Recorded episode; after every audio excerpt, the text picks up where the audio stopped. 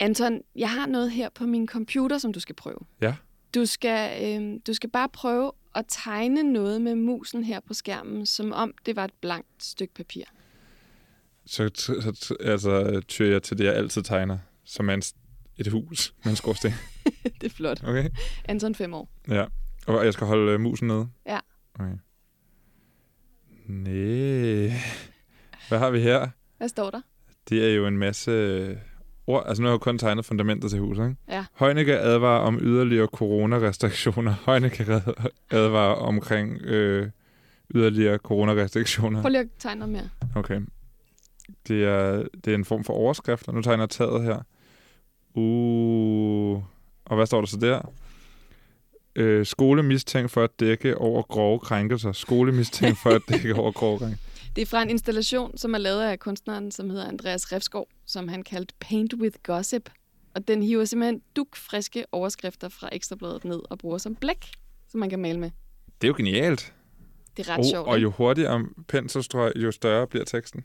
Ah, Lagde jeg lige mærke til, da jeg lavede øh, græsset. Det er en ret sjov kontrast til de her øh, what the fuck-agtige overskrifter, at man sidder og laver de her ubehjælpelige børnetegninger med det, ikke? jo, fordi det er ikke, sådan, det er ikke rigtig sladder. Det er mere sådan faktisk nogle lidt uhyggelige nyheder. Jamen, jeg fik nogle, jeg fik nogle rigtig sladder overskrifter i går, da jeg prøvede det. For der var det, øhm, der var det sådan noget Peter Madsen-sagen, der ligesom kørte, så der rullede alt muligt ind over der, vil jeg sige. Shit. Nå, grineren? Mm.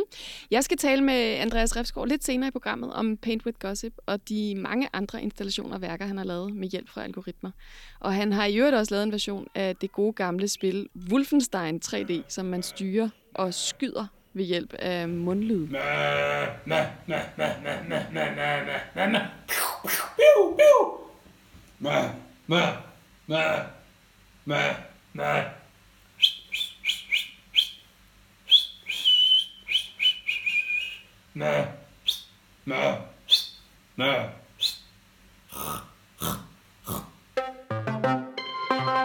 Du lytter til Vi er Data. Mit navn er Marie Høst.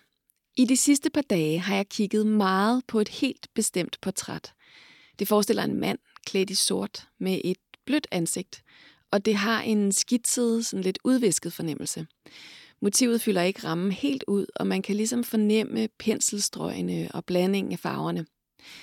Lige bortset fra, at jeg ved, at en pensel aldrig har været i nærheden af det, for værket er nemlig skabt af en AI. Værket hedder Edmund de Bellamy, og det er printet canvas, som er skabt af en kunstig intelligens, som var blevet trænet på 15.000 malede portrætter fra forskellige tidsperioder.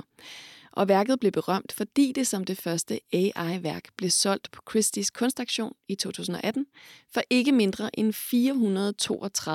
432.000 dollars. Og det var lige 420.000 dollars mere, end man havde regnet med at sælge det for. Og det kan også noget af det portræt, synes jeg. Men måske mest fordi man ved, at det er en AI, der står bag. Algoritmer og machine learning lyder tørt og matematisk, og det er det vel egentlig i sin essens også. Men som vi ofte taler om i Via Data, påvirker algoritmer os i stigende grad. De påvirker, hvad vi ser, hvad vi ønsker os, hvad vi synes, hvem vi taler med, og meget, meget mere som et usynligt kompas for vores online-liv. Men at kunstnere kan brug af algoritmer og machine learning åbne for nye måder at tænke over teknologier på, og ikke mindst skabe en fornemmelse af noget nyt og overraskende. Det kan både være som et materiale, man kan arbejde med, som en væver arbejder med tråd, eller en billedkunstner med maling, eller det kan være som en form for maskinel sparringspartner, der overrasker og udfordrer. Jeg skal tale med to kunstnere, som på hver deres måde bruger algoritmer i deres værker, og jeg er nysgerrig på, hvornår en AI kan være interessant at spare med, hvordan samarbejdet foregår, og hvad arbejdsdelingen bliver mellem menneske og maskine. Velkommen til Vi er Data. Nu vil jeg byde velkommen til min gæst i studiet i dag, forfatter og billedkunstner Amalie Schmidt. Amalies 8. og seneste bog, Threadripper, udkom i august og handler blandt andet om Ada Lovelace, som bliver betragtet som en af historiens første programmører. Og så handler den også om Amalies udsmykningsopgave til Ørestad Gymnasium, som var tre digitalvævede tæpper, som blev til i samarbejde med det neurale netværk Google Deep Dream. Velkommen, Amalie. Mange tak. Og glædelig Ada Lovelace Day i sidste tirsdag. Mange tak. tak. Fejrede du den? Nej, det gjorde jeg ikke. Jeg lå øh, syg med forkølelse. Ah, okay, ja. Det Mm. gjorde jeg faktisk også. Mm. Det er jo den her årligt tilbagevendende fejring af Ada Lovelace, som øh, jeg lige nævnte, bliver betragtet som verdens første computerprogrammør. Og jeg vil gerne øh, høre, om ikke du vil starte med at fortælle, hvem, hvem er det Ada er, og hvorfor er det, du er lidt fascineret af hende? Ja, men altså Ada Lovelace, hun er verdens første computerprogrammør, før der overhovedet findes nogen computer. Hun er venner med Charles Babbage, som laver den analytiske maskine, som vi tænker på som den første computer. Og det gør vi, fordi at han er den første, der bruger hulkort til at lave en slags avanceret regnemaskine, kan man sige. Øh, og øh, Ada Lovelace er øh, hans ven, og også hans fortolker, tror jeg, man kan sige. Hun, øh, hun skriver nogle noter til den her maskine, som i sig selv måske er endnu mere banebrydende end maskinen selv, fordi hun har nogle forestillinger omkring, hvordan man kan bruge computere i fremtiden. Altså, øh, at de ikke kun kan bruges til at beregne øh, algoritmer og øh, hvad hedder det, beregne data og øh, regnestykker, men at de faktisk vil kunne bruges til alle mulige andre øh, formål. For eksempel at lave musik. Øhm, hun er faktisk helt ekstremt fremsynet. Altså virker det som om. Hun har nogle idéer om at, øh, at, at sådan, øh, lave en algoritme for nervesystemet. Øh, det er ikke i noterne, det er lidt senere, hun skriver om det. Men altså simpelthen at dataficere øh, menneskekroppen øh, ned til sådan den enkelte nerve, og så lave en algoritme for det, og på den måde skabe et kunstigt øh, nervesystem, som er jo ret vild. Det må man sige. Det er ret vilde tanker. Hvornår er vi hen i tiden? Altså, øh, noterne der er fra 1843, Ja. så det er, ja, det er 100, hvad er det, 180 år siden. Sådan. Ja. Ja. Deler du Adas begejstring for algoritmer og deres potentiale? Jeg, jeg deler jeg kunne virkelig genkende øh, noget i Ada, som er den her lyst til at sådan forbinde forskellige felter. Øh, hun kommer, altså hun har en meget spændende opvækst, fordi hendes mor er matematiker og skoler hende meget strengt. Øh, og hendes far er poeten Lord Byron, som er sådan en skandaløs figur i, øh, i samtiden. Og, øh, og hun har derfor både, hun står sådan lige mellem kunsten og videnskaben, kan man sige, øh, og sådan prøver at få de to til at mødes i de her vilde idéer. Øh, og derfor så, ja, jeg, jeg tror, at, at jeg ligesom kunne genkende et eller andet i det der med at få flere felter til at mødes. Altså jeg er selv øh, uddannet forfatter og billedkunstner og arbejder i sådan et tværmedialt felt, men tager også tit sådan videnskabelige øh, teorier ind i mit arbejde og, og benytter mig af fakta og andre øh, sådan vidensfelter. Så jeg tror, det kunne jeg genkende. Øh, jeg er ikke matematisk uddannet, som øh, Ada var, øh, eller matematisk skole, i bogen her, Threadripper, som er din nyeste bog, som jeg sidder med her i hånden, der er der en billedvæver, der er i gang med at skabe et værk til Digitaliseringsstyrelsen, øhm, som har taget udgangspunkt i dig selv. Fordi du blev jo selv billedvæver, da du skulle lave et digitalt værk til Ørestad Gymnasium. Hvordan var processen omkring det værk? Jamen, jeg blev inviteret til at lave et digitalt værk, øh, og det gav mig sådan lidt øh, hovedpine, fordi hvad er et digitalt værk, som... Altså, hvad er et digitalt værk for det første, men hvad er et digitalt værk, som kan holde i hvert fald 10 år, eller 20 år, eller 100 år for den sags skyld? Fordi det digitale udvikler sig så hurtigt, så jeg prøvede at sådan søge tilbage i det digitale historie, og det var sådan set der, at jeg kom tilbage til altså hulkortet, som måske det mest grundlæggende digitale, som et, en, en fysisk manifestation af nuller og et-taller. Øh, og så tilbage til øh, den analytiske maskine, som så var den første hulkortcomputer. Og den analytiske maskine er specielt, fordi den tog hulkortet fra en anden maskine, som er den industrielle væv. Øh, og den industrielle væv øh, blev opfundet sådan 30 år tidligere, cirka, som, hvor øh, øh, Jacquard, øh, Josef Marie Jacquard øh, øh, koblede hulkort til væven for at gøre det enklere og sådan, øh, lave meget komplicerede mønstre, som man før havde skulle bruge en masse tid og arbejdskraft på at lave, så kunne man ved hjælp af de her hulkort sådan, automatisere væven. Så det er også en automatiseringsproces, øh, kan man sige. Øh, og det, der gik jeg så tilbage til Ørestad Gymnasium og sagde, øh, I kan få de her øh, digitalt vævede tæpper, og det er et øh, digitalt værk. Og det, den, den, den købte de så. Øh, og øh, ja, de hænger derude i dag.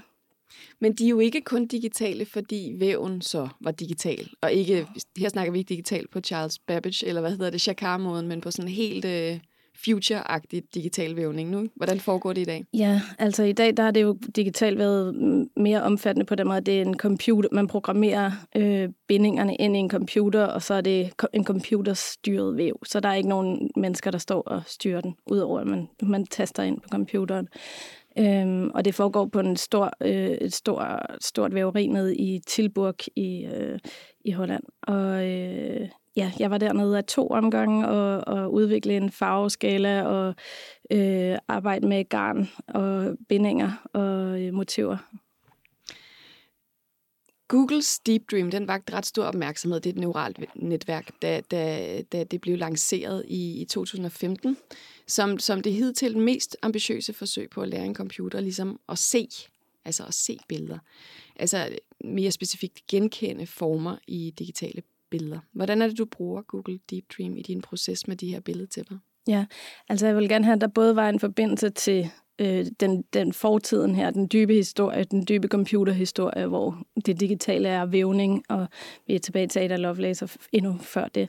Men jeg vil også gerne have en tråd ud i fremtiden, og der kan man sige, der, der var øh, de neurale netværk en ret oplagt sådan eksempel på en teknologi, som er ved at blive brugt i ret ved øh, udstrækning i dag, men som med sikkerhed nok også vil blive brugt i fremtiden. Øh, så jeg valgte at bruge Google Deep Dream, som er blevet offentligt gjort, eller hvad siger man, øh, det var blevet gjort øh, offentligt tilgængeligt i 2015, open source. Øh, og Google Deep Dream er en, øh, en sådan en omvending af, der, af Googles billedalgoritme. Altså i nullerne var øh, eller måske før nullerne i virkeligheden, i, i 90'erne, der var, billeder, øh, var computer jo ikke i stand til at se, hvad der var på billeder. Altså de kunne ikke se ind i billedet, de kunne kategorisere billeder ved hjælp af metadata, tags osv. Men øh, det her med at være i stand til sådan at kigge ind i billedet og faktisk øh, fremvise de rigtige billeder, når man søger i Google Billedsøgning, øh, er noget, Google har udviklet gennem nullerne med de her neurale netværk. Øhm, og øh, Google Deep Dream er en omvending af det neurale billednetværk, de bruger, øh, hvor de i stedet for bare at se, så, så viser det os faktisk, hvad det ser. Og det vil sige, det er et billedproducerende neuralt netværk. Øhm, så det, det ser, øh, det viser, øh, hvordan computeren fortolker billeder, kan man sige. Og det er sådan nogle meget psykedeliske øh, motiver, der kommer ud af det. Især fordi, at det oprindelige netværk, det havde de trænet primært på hunde- og kattebilleder, fordi der var rigtig mange af dem, øh, både på internettet og de databaser, de havde. Øh, så det ser sådan hunde- og katte-ansigter alle steder. Øh, og meget sådan fraktalt. Der kan være en, en hund inde i hovedet på en hund, på en hund, på en hund, og så videre. Det er sådan en meget, øh, meget syret oplevelse. Øh, så jeg valgte at bruge det til at, øh, at fremstille nogle motiver til de her billedtæpper. Øh, altså Google Deep Dream-netværket. Øh, og det lidt specielle ved at arbejde med et neuralt netværk er jo, at det er ikke som gammeldags algoritmer. Altså gammeldags algoritmer var jo øh, på en eller anden måde sådan overskuelige, sådan at man kunne sige, ja, hvis x og så videre, så kommer det her resultat ud. Så der var sådan nogle parametre, man kunne stille på, og så kom der noget øh, øh, på forhånd kendt ud. Øh, neurale netværk er, sådan, er på en måde blackboxet, altså øh, ikke engang Google forstår, øh, hvordan algoritmen fungerer. Altså man kan ikke læse dens kode. Øh, koden kan være ekstremt lang, fordi den består af en hel masse parametre, som, som øh, som netværket selv justerer. Og det er jo derfor, det er et selvlærende, en selv, vi kalder det for en selvlærende algoritme. Øhm, og hvad var det, du puttede ind i Google Deep Dream, og hvad var det, du gerne ville have ud igen? Ja, altså jeg, jeg fodrede Google Deep Dream øhm, dels med, øh, man skal jo både give det et input-billede, øh, og så skal man give det en reference-database. Øh, og så med udgangspunkt i den reference-database, så ser den bestemte ting i det input-billede, og så kommer der et nyt billede ud, et output. Så mit input-billede var billeder af øh, de elever, der går på, øh, på Ørsted Gymnasiums hænder, der øh, interagerede med den teknologi, det nu engang havde med. Jeg satte et fotostudie op derude og fotograferede noget. Og øh, referencebillederne var nogle billeder fra, øh, som, som er billeder af rødlistede øh, planter, som vokser på den stenalderstranding, kalder man den, som, som er lige ved siden af, som er så meget omdiskuteret område, som der skulle bruges som byggegrund ude på Ammerfældet. og som måske er fredet. Jeg kan ikke helt finde ud af, hvor hvor det egentlig ligger i dag. Øhm, på det tidspunkt var det meget omdiskuteret. Øhm, og det vil sige, at netværket her, det så øhm, blomstermotiver, plantemotiver i de billeder, jeg gav det. Og det så det i sådan en grad, at man i dag ikke rigtig kan se de oprindelige motiver. Så man kan egentlig mest af alt se sådan nogle mm, artificielle plantemotiver. Men billederne, du puttede ind, var for eksempel en hånd med en telefon? Ja. Eller en computer? Ja. Eller sådan noget? Ja. Og så har den ligesom fundet de blomsterlignende motiver i Ja. det? Den kan ligesom, altså den er, den er overfølsom på den måde, at den, den ser, den tolker et hvert lille bitte tegn som, en, øh, som noget, der har noget med blomster at gøre, hvis den er trænet på blomster. Øhm, så, så, og så kører man den igennem igen og igen og igen og igen og igen, og så bliver det mere og mere ekstremt, øhm, og så ser den flere og flere blomster, ja. Så det var en slags kunstig plant, plantevækster, kan man sige, eller nogle, nogle digitale plantevækster i bogen, og det kommer til at hedde en flora digitalica. Du siger også på et tidspunkt i bogen, at den ser med, det, med den paranoides blik.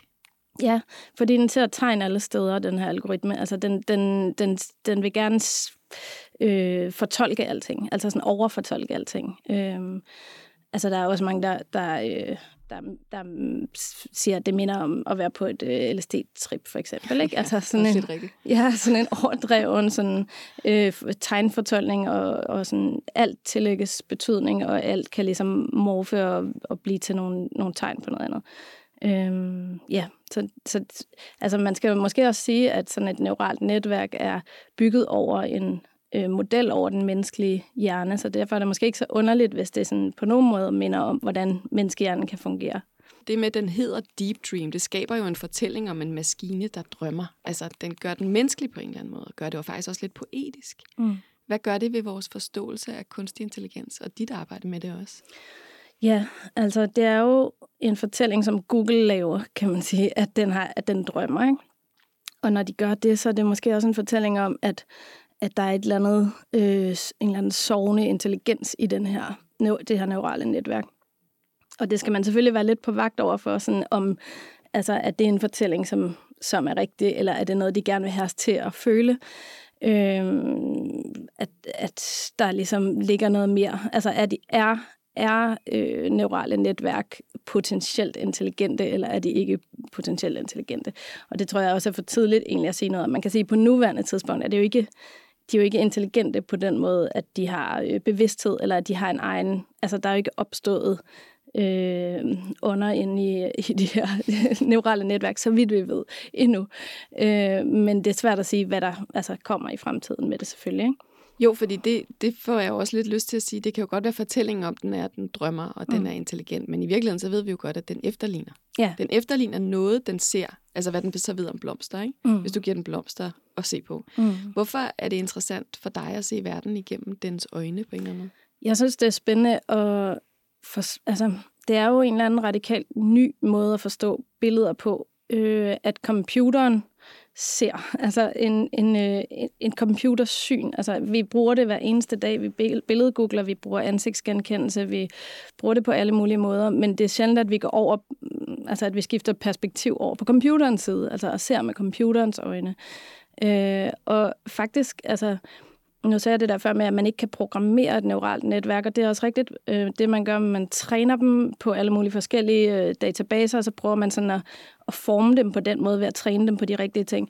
Øh, og så smider man dem ud, hvis de ikke fungerer, og laver nye. Altså det, det er faktisk sådan en meget øh, sådan trial and error-agtig måde, de, de arbejder med de her neurale netværk. Men, men grunden til, at de lavede det her Deep Dream-netværk, øh, Google, det er faktisk for at justere netværket for at kunne se, hvad det ser. Øh, så en af de måder, man, når man ikke programmerer, en af de måder, man faktisk øh, øh, for, forandrer de her netværk på, det er ved at sådan, lade dem lave visuelle outputs, altså sådan, lade dem vise, hvad de ser. Øh, så det er en måde at, øh, ja, man, man skal ikke kalde det programmere, men sådan engineer, hvad kalder man det, øh, forme i hvert fald øh, en netværk på, øh, at bruge det visuelle output.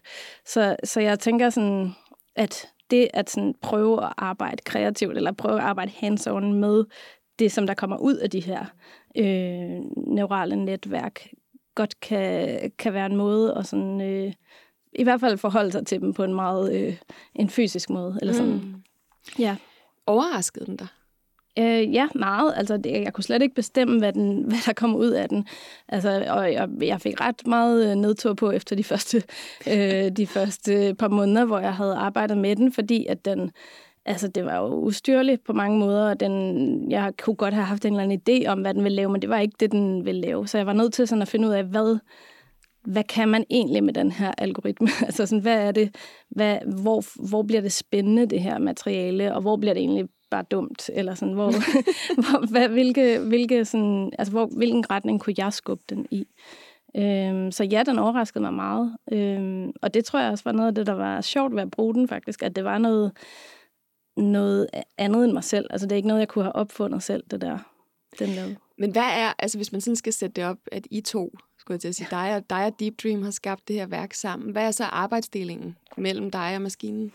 Det er lidt sådan, at jeg fodrede maskinen med ting, så spyttede den øh, materiale ud tilbage til mig. Så skulle jeg forholde mig til det, øh, udvælge i det, øh, give den materiale tilbage igen, fodre den med nye referencebilleder, og prøve sådan, altså det var sådan en frem og tilbage proces, øh, og det er jo selvfølgelig mig, der har det endelige øh, ord i den sammenhæng, og det er mig, der kan sige sådan, nej, mere i den retning, og ikke så meget i den retning, men jeg kan kun gøre det med udgangspunkt i det, den giver mig tilbage, altså jeg kan ikke, kan ikke forestille mig noget helt øh, andet, end det, den kunne, kunne komme med. Øh, og selvfølgelig er det ikke så meget anderledes, end når man arbejder med andre kunstneriske materialer, fordi altså, øh, oliemaleri kan også kun visse ting, og øh, lær kan visse ting. Og, altså, der er jo en, altid en forhandling med materialet, det man arbejder med. Men der er en eller anden, altså det er som om, der er en eller anden ekstra potens på, at det har lidt mere en vilje, end en lærklump har en vilje, fordi det, det, den, den kommer med sin egen fortolkningsret indbygget. Eller sådan. Det, er den, der, det er den, der fortolker øh, som udgangspunkt. Og så skal man så vælge ud i de fortolkninger, ikke? Jo, og du, det lyder også, som om du har skulle lære den at kende, ikke? Mm. Altså, hvis jeg putter det ind, så giver du mig noget i den retning. Ja. Så hvordan taler jeg med dig? Ja, fuldstændig. Ja, vi taler frem og tilbage. Og altså, det her skete også nogle syrede ting med, at mit eget syn, altså efter at have siddet sådan en hel dag og fodret den der algoritme og set de her blomsterformationer, så begyndte mine egne øjne jo at se det ude i virkeligheden. Altså så jeg begyndte at se sådan nogle øh, psykedeliske mønstre forskellige steder. Så min, min percep- mit perceptionsapparat ændrede sig også. Ikke? Øhm, ja, så det var en, en syret øh, udveksling, vi havde. Kommer vi så på et tidspunkt frem til et sted, hvor arbejdsdelingen ikke længere er dig, der styrer algoritmen, men hvor algoritmen selv kan finde på at være kreativ? Altså, jeg ved det, det er virkelig svært, svært spørgsmål at svare på. Altså, det, det er selvfølgelig lidt også forbundet med, om, om algoritmen nogensinde bliver bevidst. Altså, kan man forestille sig en bevidst algoritme? Og der er man jo tilbage til, om, altså sådan, hvad er bevidsthed, og hvordan er der overhovedet opstået bevidsthed i mennesker? Altså, det ved vi jo heller ikke så meget om. Og er mennesker mere end øh, algoritmer på en måde? Øhm, man kan sige sådan... Øh, kre- altså kreativiteten i sig selv. For mig at se, jeg tror også, jeg har opdaget i mig selv, at min egen kreativitet jo også er algoritmisk i nogen grad. Altså sådan, øh, det kan godt koges ned til nogle formler. Altså jeg leder efter mønstre i verden. Det gør de her neurale netværk også. Øh, de her mønstre, der vil være nogen, der sådan taler med hinanden eller ligner hinanden i forskellige felter. Øh, jeg sætter dem sammen i en og samme bog, øh, og det er en slags, øh, ja, det er min kreative proces. Det, er jo, det kan man jo på en måde godt gøre til en algoritmisk form. Altså lave en algoritme, der kan overskue et kæmpestort datasæt, meget større datasæt, end jeg nogensinde ville kunne overskue, øh, og se sådan mønstre øh, i det, og sætte de mønstre sammen på tværs af forskellige fagområder, for eksempel. Øh, vil det så være en kreativ algoritme, og vil det blive et kunstværk?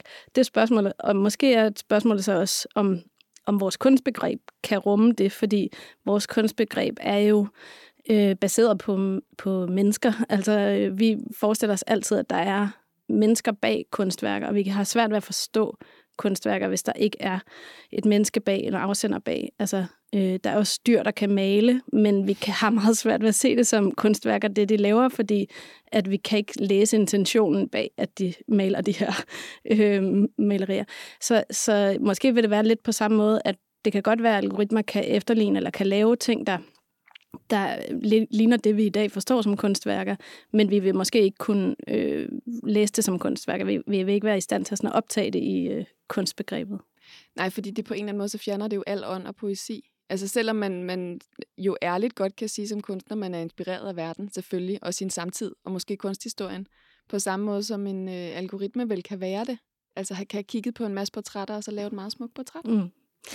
Ja, altså det er jo så spørgsmålet, hvad det der ånd og poesi er, ikke? Altså sådan, og kan vi, kan vi forestille os, at det opstår i algoritmen også? Altså kan vi, kan vi på en måde lære en algoritme at kende? Det kunne være, at nogen kan få et særligt forhold til en bestemt algoritme, som spytter nogle forskellige ting ud, og som man så gerne vil følge. Altså, det, kan jo, det, det er jo ikke umuligt. Altså, der findes jo allerede popmusikere, som ikke rigtig findes, og kun er nogle hologrammer, men som folk dyrker med ægte følelser alligevel. Altså, altså så, så ja, det, det, er sgu, det er sgu svært at sige.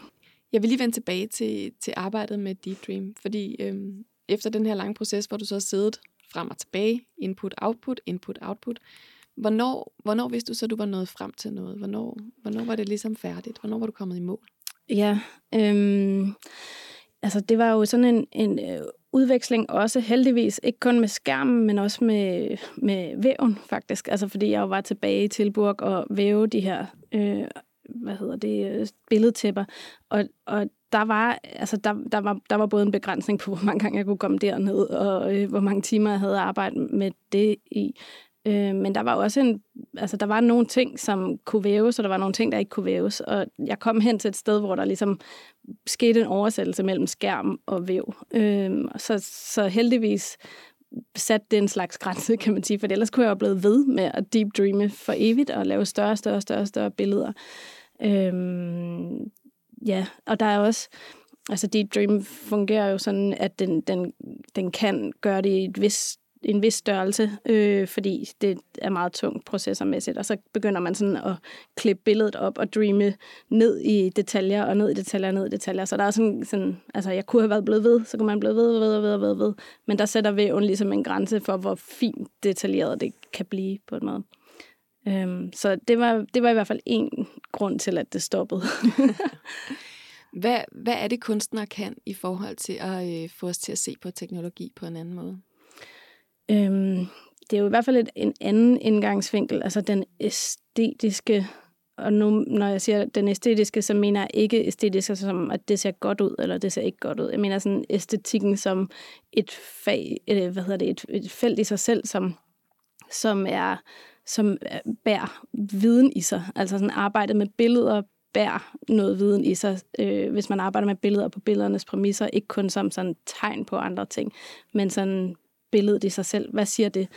Øhm, og det, det tror jeg godt kan bidrage med noget andet, især når vi snakker billedteknologier, altså når vi snakker om øh, Google Deep Dream og øh, billedgenkendelse osv., så, videre, så, er, så, har kun, så kommer kunstner et andet sted fra øh, en programmør for eksempel, eller øh, andre, der arbejder med det. Så ja, ja, præcis hvad det er, man kan, det tror jeg må være sådan lidt op til de enkelte værker, og det, det at stå over for de enkelte værker, men, men sådan en sensibilitet over for, for øh, det æstetiske som, som, et, som noget, der også siger noget i sig selv, og som bærer på en, en betydning i sig selv. Bliver, de, øh, bliver eleverne ude på øh, Ørestad Gymnasium, bliver de nysgerrige på processen bag billedtæpperne, for man ser dem, så hænger de der og er smukke, mm. synes jeg. Men der er jo fortællingen omkring den, er jo mindst lige så interessant. Ja, jeg håber det. Øh, jeg havde jeg undervist et hold derude, men det er jo så ved at være tre år siden, så øh, jeg, jeg lavede et øh, skilt derude, og det var meningen, det skulle være et meget lille skilt, hvor det ligesom bare skulle stå titlen, og så var der så meget historie, der sådan voksede og voksede og voksede, så skiltet voksede og blev kæmpestort. Så der hænger et kæmpestort skilt, hvis man gerne vil vide noget om det derude. Og så er der så nu også den her bog, man kan læse, altså hvor der også er, er en del af øhm, fortællingerne samlet. Øhm, og bogen kan man godt sige på en måde voksede ud af det her skilt. altså det kunne ikke være på skiltet, og derfor blev det til en bog. Og bogen kan jeg i hvert fald øh, anbefale på det kraftigste. Threadripper af Amalie Schmidt. Tusind tak, fordi du kom og talte med mig i dag, Amalie. Selv tak. Lige før talte jeg med Amalie Schmidt, der beskrev, hvordan hun som kunstner arbejdede i dialog med algoritmen Google Deep Dream. Nu er vi jo på Enigma Museum, der blandt andet beskæftiger sig med post. Så derfor skal Nana Schmidt Nordeskov nu tale med udstillingschef Martin Johansen om mail art, hvordan man kan bruge postvæsenet til at skabe kunst. Hej Martin, nu sidder vi her igen. Hej Nana. Martin, Enigma er jo ikke noget kunstmuseum, men alligevel, der har vi faktisk noget kunst i vores samling. Hvad er det for noget? Jamen det er mailart, og mailart er, som øh, øh, navnet antyder, kunst, der er sendt med posten, eller som måske er blevet til kunst, det er blevet sendt med posten. Og samlingen, vi sidder med her, er en øh, stribe af værker, skabt af den øh, amerikansk-hollandske kunstner Victor Fier, øh, som øh, fra slutningen af 1960'erne sendte breve til flere kontakter i København fra hans husbåd i Amsterdam. Og det han sendte, det var jo de her sådan, øh, øh, øh, sådan meget øh, sådan organiske, eller hvad skal man kalde det, kuverter, øh, illustreret med, jeg tager lige mine, øh, mine hvide handsker på, så jeg kan tage, tage en af dem ud af, af, af sit, øh, sin plastiklomme her. Øh, sådan meget organiske kuverter med øh, collager, øh, udklip fra blade, kunstbøger, øh, frimærker selvfølgelig. Den jeg sidder med her er der, jeg tror, hen ved øh, sådan 30-40 frimærker øh, kastet ud over, ud over forsiden på kuverten, som jo så er blevet sendt ud i virkeligheden via, via øh, en postkasse og et postbud. Hvordan kan man sige, at øh, Victor 4 han udnyttede postvæsenet til at skabe kunst? Altså han, man kan sige, han brugte jo postvæsenet, postsystemet på en måde, som ikke er meningen. Postsystemet er jo sådan en rationel maskine, skabt til at bringe information, menneskers kommunikation mellem hinanden, effektivt og hurtigt frem.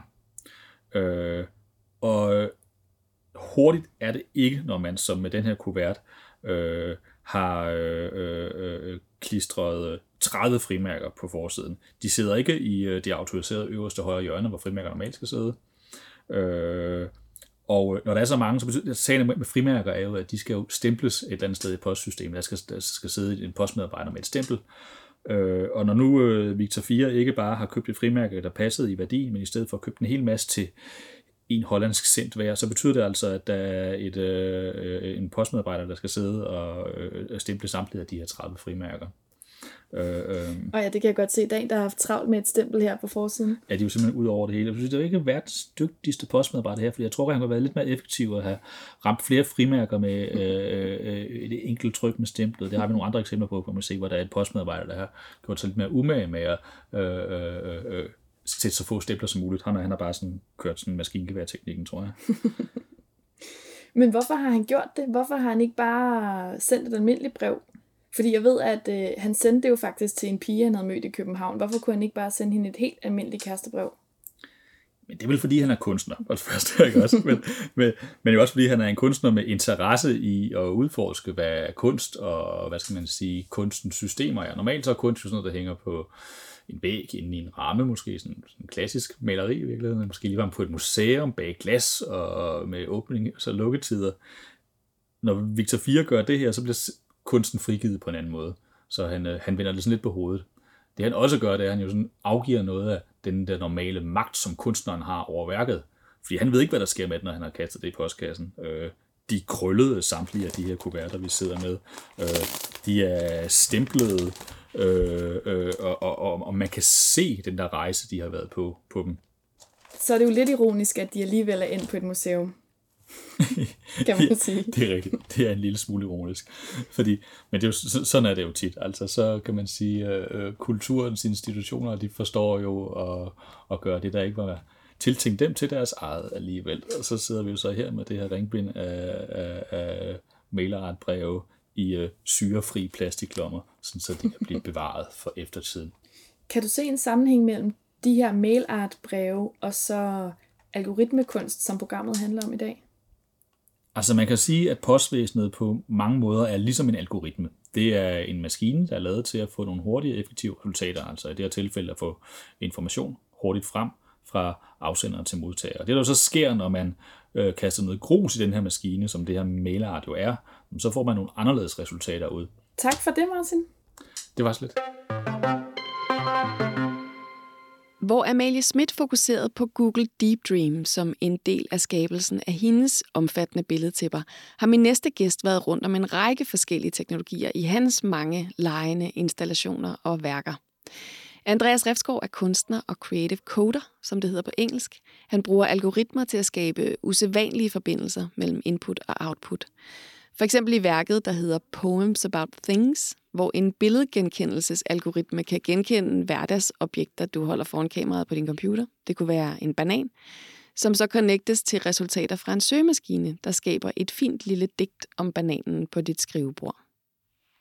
Andreas, øh, jeg har indtil videre her i programmet fortalt om Paint with Gossip, hvor man maler med overskrifter fra Ekstrabladet, og Poems About Things, som selv genererer de her digte om ting baseret på søgemaskineresultater.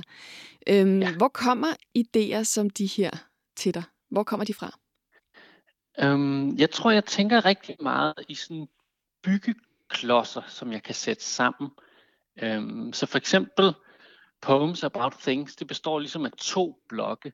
Den ene blok er, at man gennem sit kamera kan bruge en lille machine learning model, der så kan prøve at gætte på, hvad den ser. Så hvis man peger hen mod en banan, så forhåbentlig så siger den, at den ser en banan. Så det er ligesom den ene blok, det er sådan en billedklassifier. Og den anden blok, det er det her med øh, Google øh, Suggest, altså ligesom hvis man skriver på, på Google, øh, og den så prøver at, at fortsætte ens øh, sætning, på at gætte, hvad man siger, begge de blokke havde jeg ligesom arbejdet med uafhængigt. Og så sådan den måde, jeg får idéer på, er faktisk tit, at jeg kombinerer to blokke, øh, som jeg ikke har set sat sammen før, og så prøver jeg at sætte dem sammen. Øhm, så det er sådan, det sker for mig. Og starter det med sådan en fascination af, af en teknologi, som for eksempel billedgenkendelse i det her tilfælde? Øhm, ja, det, ja, altså jeg er ret fascineret af billedgenkendelse. Jeg er også ret kritisk over for det. Jeg er meget sådan interesseret i det, både fordi jeg jeg er fascineret, og jeg synes, det er vildt, hvad man kan, men jeg er også helt vildt interesseret i, når det slår fejl. Og på en eller anden måde er Poems About Things også et, et projekt, hvor det ofte slår fejl. Jeg bruger ikke den bedste øhm, øhm, klassifikationsalgoritme til billedgenkendelse. Jeg bruger en, der faktisk kan køre på mobiltelefonen. Og det gør, at den er ret hurtig, den ikke fylder så meget, men den heller ikke er så præcis. Så den laver en masse fejl, og de fejl kan være ret sjove, når man så bruger det i en kontekst, som jeg gør, hvor jeg prøver at skabe små øh, historier eller små digte.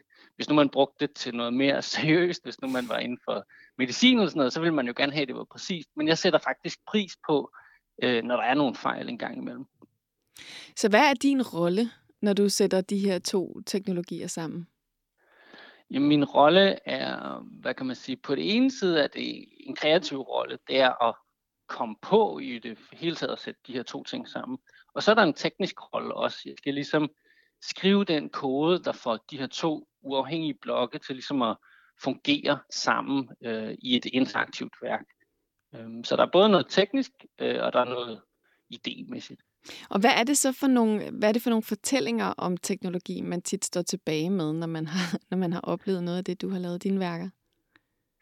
Øhm, jamen det er det jeg, ja, det, det jeg håber folk står tilbage med, det er måske en altså humor. Jeg bruger ret meget humor, øh, så jeg håber, at folk synes, det er sjovt. Øh, så jeg håber også, at folk bliver lidt nysgerrige på teknologien, fordi meget af det øh, teknologi, jeg arbejder med, er sådan rimelig avanceret og måske også lidt lukket land for mange. Men når jeg præsenterer det på den her måde, så håber jeg, at der er mange, der sådan synes, at det er interessant og måske selv har lyst til at rode lidt med det, eller i hvert fald er blevet lidt klogere på det.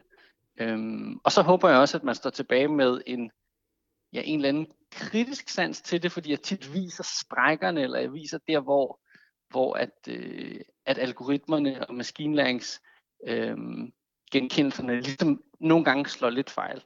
Øh, så det håber jeg også, at folk står tilbage med. Øh, lidt en, en kritik, eller at man selv sådan vurderer, om hov, der, der lavede den faktisk noget, der ikke var helt rigtigt, men det var alligevel meget sjovt. Ja, fordi mange føler sig ret fremmedgjorte i forhold til alle de her algoritmer, som folk taler om, man, man egentlig ikke helt ved, hvad er. Altså, vi ved bare, at det findes på alle mulige måder i vores liv, ikke? Øhm, mm. er, det, er det sådan en måde lidt at blive ven, blive ven med din algoritme? Det kan man, det kan man godt sige. Altså, jeg ved ikke, om man skal være, være venner med den. Jeg synes det også, det er helt fint, hvis man er meget kritisk over ja. for den i nærmest på en eller anden måde næsten bliver fjender med dem. Det, det har jeg det helt fint med. Men jeg synes, at det er øh, i hvert fald ud fra mit perspektiv, er det fedt, hvis folk har nogle samtaler om dem på et informeret grundlag. Og der, der synes jeg nogle gange, at jeg kan spille en lille rolle i, at jeg præsenterer det for folk, og faktisk også giver dem al kildekoden, det er typisk. Så sådan et, så et værk som Mal med ekstrabladet, der ser man al koden, så kan man, øh, eller Painting with Gossip, så kan man faktisk se præcis, hvordan det er lavet, øh, og gå ind og ret i det igen. Øhm, så, og jeg underviser også ret meget i de her teknologier, øh, men, men ikke så meget på ingeniørhøjskoler eller den slags, men mere øh, på kunstskoler og på designskoler. Og der er det typisk øh, nogle studerende, som ikke er sådan så teknisk minded og måske er lidt bange for det, øh, men, men min, øh, min måde at gøre det på, øh, gør i hvert fald, at, at tit siger folk, ej, det var faktisk ret sjovt, og det var faktisk ret interessant, og det var ikke så skræmmende alligevel. Så jeg vil gerne have flere øh, folk med ind i samtalen, så det ikke kun er et par stykker, der sidder og bestemmer, hvordan alle de her algoritmer øh, skal fungere. Og hvis man siger, at I sådan skaber et værk sammen, dig og den algoritme, du arbejder med, eller de, du nu arbejder med, hvad, hvordan er arbejdsdelingen så? Hvad skal helst håndteres af mennesket, og hvad, hvad, bringer, øh, hvad bringer algoritmen i spil? Ja, altså man kan sige, at algoritmen er måske sådan den, den store ramme. Øhm, så hvis det er sådan noget som poems about things, så bliver det altid nogle sætninger, som er lavet øh, ud fra billedgenkendelse og ud fra det her Google Suggest. Det er ligesom fast defineret. Øhm, men der, hvor den person, der så bruger det, øh, har en rolle at spille, det kunne fx være mig, men det kunne også være dig, eller det kunne være, hvis det var udstillet et eller andet sted. Øhm, der er ligesom noget, som, som brugeren selv kan bestemme, og i det her tilfælde er det, øh, at brugeren kan selv tage et billede af hvad som helst. Øh, og så er det det, der bliver genereret digt af. Og jeg har ikke, øh, hverken mig eller algoritmen har nogen kontrol over, hvad brugeren tager et billede af. Så der er ligesom en form for, for frihed eller agency, som er skubbet over mod brugeren. Og det synes jeg som, som øh, skaber af værket er helt vildt spændende, fordi brugere kan tage billeder af nogle ting, jeg aldrig ville kunne forestille mig at tage billeder af. Øh, og måske kan algoritmen genkende dem, måske kan den ikke rigtig genkende dem, men tror, at, at folk har taget billeder af nogle helt andre ting. Et, øh, et lidt sjovt eksempel er, øh, jeg var nede i Eindhoven og undervise en gang, og så var der en, øh, en gut, der var super interesseret i at tage billeder af hans eget, af, af sådan forskellige steder på hans egen krop. så han, han tog faktisk sådan lidt, lidt af hans tøj af, og så begyndte han sådan at tage billeder af hans meget behårede øh, overkrop. Øh, han var en flot fyr. øh, men, og den her øh, billedgenkendelsesalgoritme, som jeg har brugt, den har ikke nogen kategori for overkrop. Øh, og den har ikke noget for sådan brystbehåring eller sådan noget. Så den troede, at hans ret behårede overkrop var en øh, fur coat, var en pelsjakke.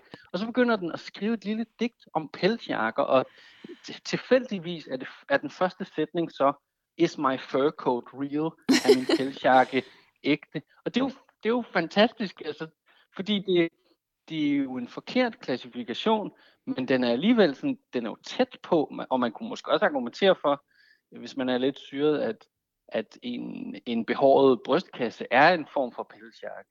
Øhm, så, og det havde jeg jo aldrig forestillet mig. Jeg har jo bare stået og testet det med, med bananer og, og potter og pander og mikrobølgeovn og sådan noget. Øh, men han prøvede det på en helt anden måde, som overraskede mig. Og det kan jeg rigtig godt lide i mine værker. Øh, at jeg selv bliver overrasket, når folk interagerer med dem. Men hvordan er det, algoritmer overrasker på en anden måde, end mennesker gør? Øhm, Ja, altså det, det kommer jo lidt an på, om man... Nogle gange kan man jo selv skrive en algoritme, og så hvis man, hvis man har overblik over den, så, øh, så nogle gange kan den overraske lidt, men hvis man har selv har skrevet den meget stramt, så overrasker den ikke så meget. Men i det her tilfælde, der bruger jeg jo faktisk to byggeklodser, to algoritmer, som jeg ikke selv har lavet. Øh, og den ene, den kan kigge på ting, og så kan den, så prøver den at gætte, hvad den ser. Men det, det er meget svært for mig at, at, at på forhånd vide, hvad det er, den gætter på. Den, kan, den er trænet til at genkende 1000 forskellige objekter, og nogle gange laver den altså nogle vilde, vilde gæt. Øh, så den er ligesom sådan til dels ret åben, fordi den kan gætte på de her 1000 ting.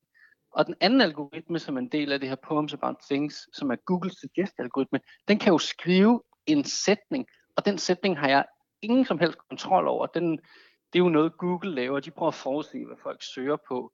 Og hvordan gør de det? Jamen, det er jo et, et øh, hvad kan man sige, det er ligesom aggregatet af alle folks søgehandlinger til sammen.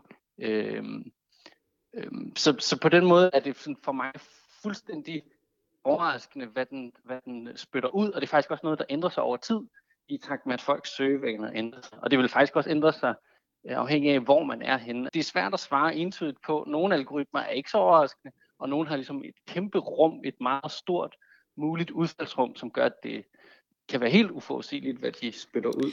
Men det handler vel også om, at de her værker, du skaber, har nogle meget interessante baggrundshistorier. Altså man kan dykke ned i noget, det har nogle betydningslag, som bliver meget, meget, øh, hvad kan man sige, som bliver meget dybe, øh, netop som du siger i forbindelse med, hvad, hvordan skaber man overhovedet en suggest-algoritme på Google, og hvem er det hele verden med til at, at medskaber ja. i dit værk jo på en eller anden måde, ikke?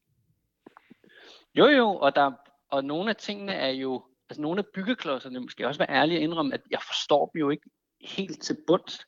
Jeg, jeg kan bare ligesom, jeg er teknisk nok til, at jeg kan benytte mig af dem, men jeg er jo selv vanvittigt fascineret af sådan en, af for eksempel Googles øh, Øhm, autocomplete der, altså den prøver at, at gætte på, hvad, hvad jeg søger på, og det er ikke noget, jeg er, teknisk minded nok til, at jeg vil selv kunne, kunne lave sådan en, og jeg vil selv, selv øh, aldrig få fat i alt det data, de har brugt øh, til ligesom at informere den. Så jeg er jo, det er min lille måde at prøve at blive klogere på de her ting på, på sådan, ja, på en lidt sjov måde, måske. Tror du, vi kommer hen til et punkt på et tidspunkt, hvor, øh, hvor algoritmiske strukturer, meget, meget komplicerede neurale netværk, måske ikke selv kan være kreative og lave de koblinger, som det lige nu er dig, der laver? Ja, det er jo det er et godt spørgsmål. Øhm, jeg, jeg har faktisk ikke et entydigt svar, men noget jeg måske kan tease med, er at næste år er jeg medforfatter på en bog, der hedder Skabt af en kunstig intelligens, spørgsmålstegn, øh, som er skrevet i, samarbejde med en, en psykolog, der hedder Mads Korsgaard. Øh, og vi diskuterer faktisk det emne lidt, øh, og vi, vi er lidt uenige. Han er lidt mere øh, tilhænger af ideen om, at, at det kunne godt ske, at algoritmerne ligesom selv øh, øh kan sige og skabe, hvor jeg måske, fordi jeg stadig sidder med fingrene nede i det, øh, så synes jeg jo, at det er de personer, der skaber algoritmerne sammen med det data, de bliver fodret med, at, det, det er, at der altid er ligesom en, den menneskelige agency. Men det, det er et meget svært spørgsmål at svare på. Algoritmer virker utrolig svært håndterbart for de fleste mennesker. Det er meget, meget kompliceret matematik. Så det her ja. med, at man kan på en eller anden måde øh, blive overrasket øh, og have det sjovt med noget, der er algoritmisk, det tænker jeg næsten, at der skal kunstnere til for at sætte i scene. Ja, jamen det, altså hvis, hvis jeg kan gøre det, så, så er jeg da glad, og det er også det, jeg lidt prøver på nogle gange. Øhm, men jeg synes måske også, at, øh, at der er mange, altså man skal heller ikke underkende, at der er faktisk mange ingeniører og mange interaktionsdesignere, som ikke tager den der kunstnerhat på sig, men som faktisk også gør det arbejde og prøver at oversætte nogle ting. Øhm, Andreas, lige til sidst, har du et råd til, hvordan man selv eventuelt kan komme i gang med at bruge algoritmer på en anden måde? Ja, jeg kan komme med et par anbefalinger. Øhm, dels vil der tit måske være nogle workshops, man kan tage til, der prøver at angribe alt det her computer science på en lidt mere kreativ måde. Og jeg laver selv en gang imellem nogle øh, workshops, som hedder Mal med kodning, hvor vi prøver at skabe øh, visuelle værker, men kun med at programmere. Så det handler ikke så meget om sådan, Øh, logikken i det, det handler faktisk lidt mere om at prøve at være ekspressiv og skrive noget kode, og så se, hvad der kommer op på skærmen. Og det er for mange en ret sjov måde at komme i gang på. Og der vil være mange andre workshops derude, hvis man prøver at søge, som ligesom øh, har et lidt mere kunstnerisk take på alt det her med algoritmer. Øhm, og så vil jeg også kunne anbefale måske et helt konkret værktøj, hvis man synes, det er interessant. Der er sådan et øh, projekt, der hedder Processing, som er et øh, softwarebibliotek lavet specifikt til kunstnere og designere. Øhm, og det er ret visuelt. Og det er det, som fik mig i gang, og det er det, som man bruger ret meget på for eksempel designskoler. Øh, øhm, så det er, sådan, det er måske et af de øh, letteste og sjoveste øh, indgangsvinkler til at komme i gang med at programmere. Perfekt. Andreas, tak for tip, og tak for snakken. Jamen, det var så lidt. Du lytter til Vi er Data. Mit navn er Marie Høst. Og i dag der taler vi om kunst, der øh, skabes i samarbejde mellem kunstnere og algoritmer. Og Anton Gade Nielsen, vært på All Caps. Vi startede programmet med at male med overskrifter fra Ekstrabladet. Jeg har i mellemtiden også lige uh, tegnet et lille træ ved siden af huset, fordi... Og så kan jeg ikke mere. Nu har du ikke mere at komme med. Der er ikke mere. Jo, måske en bil. Okay, det er så dit kunstner, din kunstnerevner, der Ja, stopper der. ja. Men jeg ved, du har kigget på noget andet interessant i forhold til det her med algoritmer og kunst.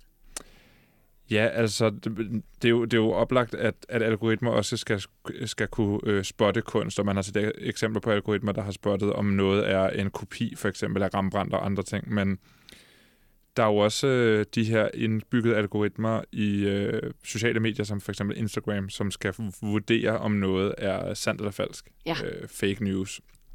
Og der er det jo meget vigtigt, også jævnfør mange af de andre programmer, du har lavet om øh, for eksempel deepfakes og sådan noget, at kunne vurdere, om en, et billede er øh, et rigtigt billede af et rigtigt menneske, eller om det er manipuleret på en eller anden måde af Ja. en AI, eller bevidst af en kunstner.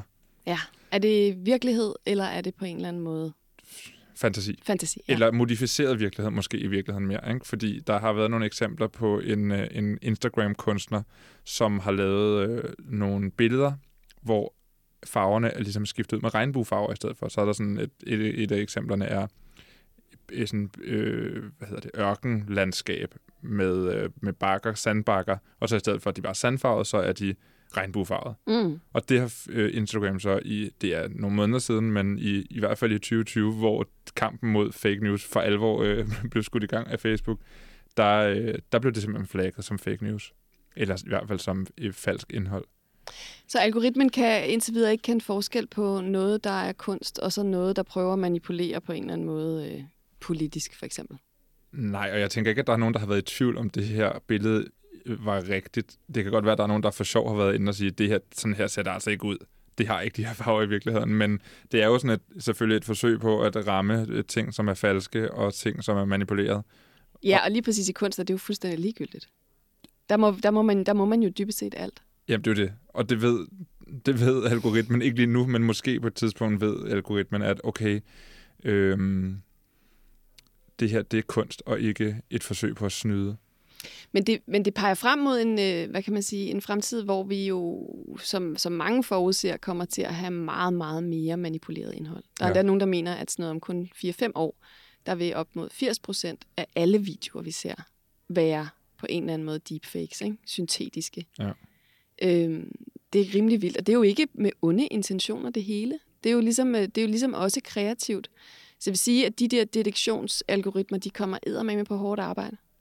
Ja, og, og, og det, det, det taler jo ind i hele den her debat om, hvad er, hvad er fake news, og hvad er noget andet. Altså, øh, hvad hedder det, sådan, satire for eksempel, har jo også nogle gange været, været udsat for faktatjek, og satire er jo en modificeret udgave af virkeligheden, på samme måde som kunst, et kunstbillede er. Mm. Øh, og, og der bliver det jo, det begynder det at blive svært, hvis vi skal have nogle systemer og ikke nogle mennesker til at vurdere det her. Det kan også være svært for mennesker at vurdere, om noget er satire, mm. eller om noget er Mm.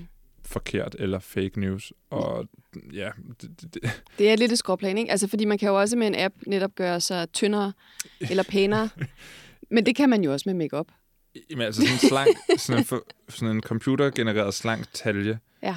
er jo ikke nødvendigvis fake news, selvom det, eller det er det jo, men, men det godtager vi på en eller anden måde på, Ja. ja. på Instagram, ikke? At mm, det, det er okay, hvis du lige redigerer lidt i, i, i din krop på en, på en app. Ja. Ja. Det synes jeg jo ikke, det er, men det er der jo i hvert fald øh, mange, der gør. Det er i hvert fald svært, og øh, hvis vi skal rubricere alt som fake news, som på en eller anden måde er modificeret, og vi ser frem mod en fremtid, hvor 80% er det, så bliver det jo et ret ligegyldigt label at sætte på. Ja, ja, ja og altså, Instagram er jo bygget op omkring filtre. Mm. Det er jo i sig selv fake news. Mm. Sådan så der ikke ud. Ja, det er spændende, hvad der kommer til at ske. Vi håber, kunstnerne får lidt øh, større rådrum i fremtiden i hvert fald. Ja. Og satirikerne. Selvfølgelig også satirikerne. Ja. Og dem med de smalle taljer, dem er vi lidt ligeglade med. Ja, stå nu ved, hvordan det ser ud. det er noget fake news. Det vil jeg faktisk sige. Tak, Anton. Selv tak. Det var alt, hvad vi nåede denne gang i Vi er Data. Tak, fordi du lyttede med. Du er meget velkommen til at bedømme programmet i din podcast-app. Du kan også trykke abonner, så du ikke går glip af en ny episode. Programmet var produceret af og på Enigma Museum for Post, Tele og Kommunikation. Og i redaktionen sidder Anton Gade Nielsen, Nana Schmidt Nordeskov og jeg selv. Jeg hedder Marie Høst. Tak for denne gang.